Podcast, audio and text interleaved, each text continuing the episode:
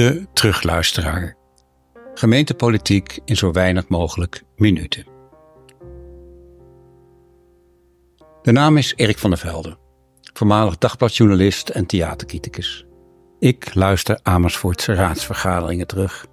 Niet voor mijn lol, want vaak langdradig, vol jargon en met een fix portie partijpolitieke puntjes scoren. Maar het is wel onze lokale democratie en het gaat om de leefbaarheid van onze stad. Voor deze eerste aflevering schrijf ik aan bij het agendapunt Tegengeluid.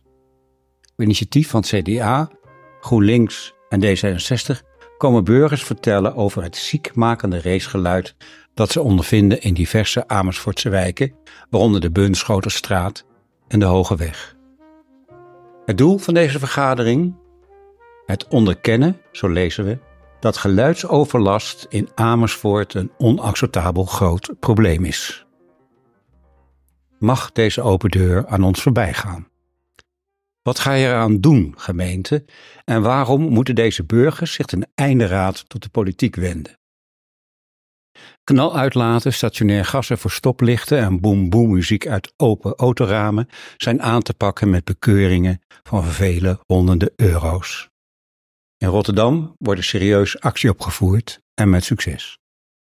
Geacht CDA, GroenLinks en D66 zou deze vergadering niet in het teken moeten staan van één grote spijtbetuiging. Een dikke sorry voor al die jaren dat bewoners nodeloos uit hun slaap zijn gehouden omdat de gemeente niet bij machten is gebleken tot handhaaf. Eerst maar eens luisteren naar de slachtoffers. Eh, de Bunschootstraat is steeds meer een eh, racebaan aan het worden.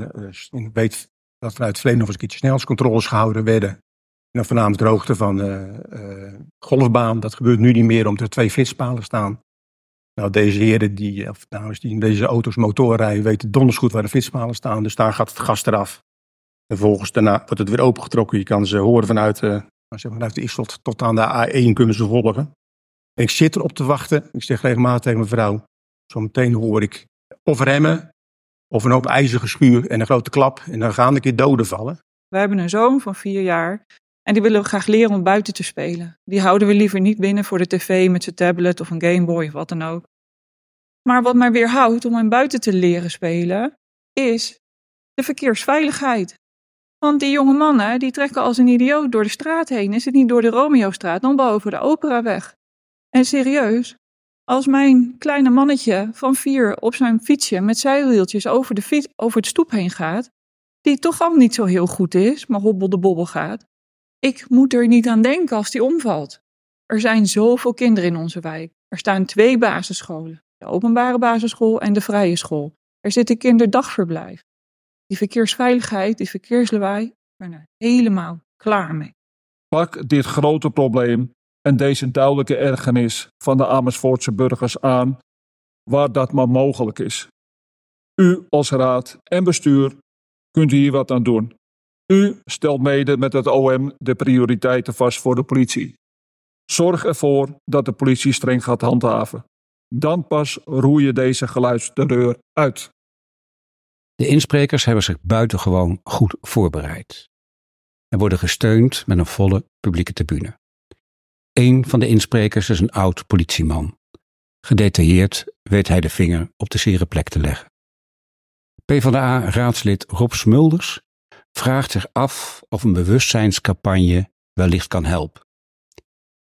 De oude politieman barst nog net niet en lachen uit. Maar de echte macho's, de ASO's, ja, die pak je maar met één zaak en dat is boetes opleggen, last onder dwangsom en voortdurend bovenop zitten. Die zijn niet gevoelig voor botjes, voor de tekstkarren, weet ik voor wat allemaal. Daar hebben ze scheid aan, want ze hebben nu ook overal scheid aan. Lilian Hos, woordvoerder GroenLinks, wist dat het erg was. Maar zo erg? Wat toch wat verbazingwekkend is, want reken maar dat deze burgers vele malen eerder bij de politiek aan de alarmbel hebben getrokken. Ja, ik, ik kende dit probleem, maar de hevigheid waarmee het nu op tafel komt, dat maakt dat ik enerzijds blij ben dat we het hier bespreken en anderzijds vind ik het verschrikkelijk om te horen. Dus ik, ik ben ook blij dat we dat nu eens in de volledige omvang hier horen. Um, het maakt ook, denk ik, dat we iets te doen hebben. Uh, de boodschap is luid en duidelijk overgekomen. Ook Alex Engberts, woordvoerder CDA, doet alsof dit probleem nu voor het eerst in de volledige omvang tot hem doordringt. Maar ik heb nog niet eerder uh, de buikpijn gevoeld die ik net heb gevoeld uh, doordat ik alle verhalen heb gehoord. En ik denk dat wij met elkaar, zoals we hier zitten als raad, dat er iets, iets op ons bord ligt. We zullen moeten onderkennen dat we met elkaar een groot probleem hebben. En als je een groot probleem hebt, vraagt het gewoon om een plan van aanpak. En hoe dat gaat gebeuren, daarvoor hebben we een college om met goede voorstellen te komen. Het bord met het grote probleem wordt dus doorgeschoven. D66 verkeerswethouder Tias Bijholt pakt het aan als een bord met hete aardappels en geeft het meteen weer terug. Um, ik denk dat het goed is om ook met de Raad het gesprek te voeren. Wat gaan we doen met handhaving? Dat is natuurlijk een hele nadrukkelijke vraag, ook van u als inwoners. Daar moeten we denk ik ook het gesprek dan uh, samen met, met, met u als Raad over hebben. Wat worden ook de, de doelstellingen van de politie? Hè? Dat wordt elke keer natuurlijk uh, vastgesteld, u als Raad. Uh, maar ik vond het wel interessant. Iets wil je wel over zeggen. Van alles wat ingebracht is, pikt hij aan één ding uit: zijn eigen stoppaardje. De Amersfoortse straten moeten groener worden, het autorijden moet zoveel mogelijk ontmoedig worden, doorstromen is niet heilig, veiligheid bovenal. Uh, maar ik vond het wel interessant, er was ook één inspreker, meneer Liefland, die ook aangaf hè, de herinrichting van straten. Daar kan het ook aan liggen. En geef je veel ruimte um, aan auto's en motoren, dan gaan ze ook sneller hard rijden. Dan dat je zorgt dat er maatregelen in een weg zitten, waardoor je vanzelf niet denkt, ik ga hard rijden. Dus ik denk ook dat we heel goed moeten kijken, hè, handhaven aan de ene kant, maar ook kijken hoe gaan we... Maar hoe nu verder, wethouder? Wat kunt u deze geplaagde burgers concreet toezeggen? Het lijkt me goed om nog een keer hier eh, verder over te praten. Ik denk ook dat het goed is. Ik zal ook informeren bij het college van Rotterdam. Om ook even gewoon eens te horen hoe zijn nu de eerste ervaringen ook met de maatregelen die ze doen. Hè? Om te kijken wat zijn hun eerste bevindingen. En zijn dat bevindingen waar we wellicht wat mee kunnen ook in Amersfoort. Um, dus laten we vooral het gesprek houden. En um, ook goed dat u het aangeeft wat wel. Menno Fausert, woordvoerder van de oppositiepartij Amersfoort 2014 heeft de hele vergadering gezwegen, maar nu kan ik zich niet langer meer bedwingen. Voorzitter. Er zitten, nu, voorzitter, er, zitten, er zitten 130 mensen op de tribune. Uh, het, het, geeft voor mij, het signaal is duidelijk, het is een probleem voor ons allemaal. Iedereen heeft hier last van in de hele stad. Ik zou echt graag hier nu nog even op doorpakken en niet weer over drie maanden. Het lijkt gewoon, ik, heb ook, ik hang ook om half drie s'nachts met de politie aan de telefoon. Niemand lijkt eigenaar te zijn van dit probleem. En ik wil echt wel bij de bij de, bij de wethouder op aandringen. Ook het, het meldpunt bijvoorbeeld.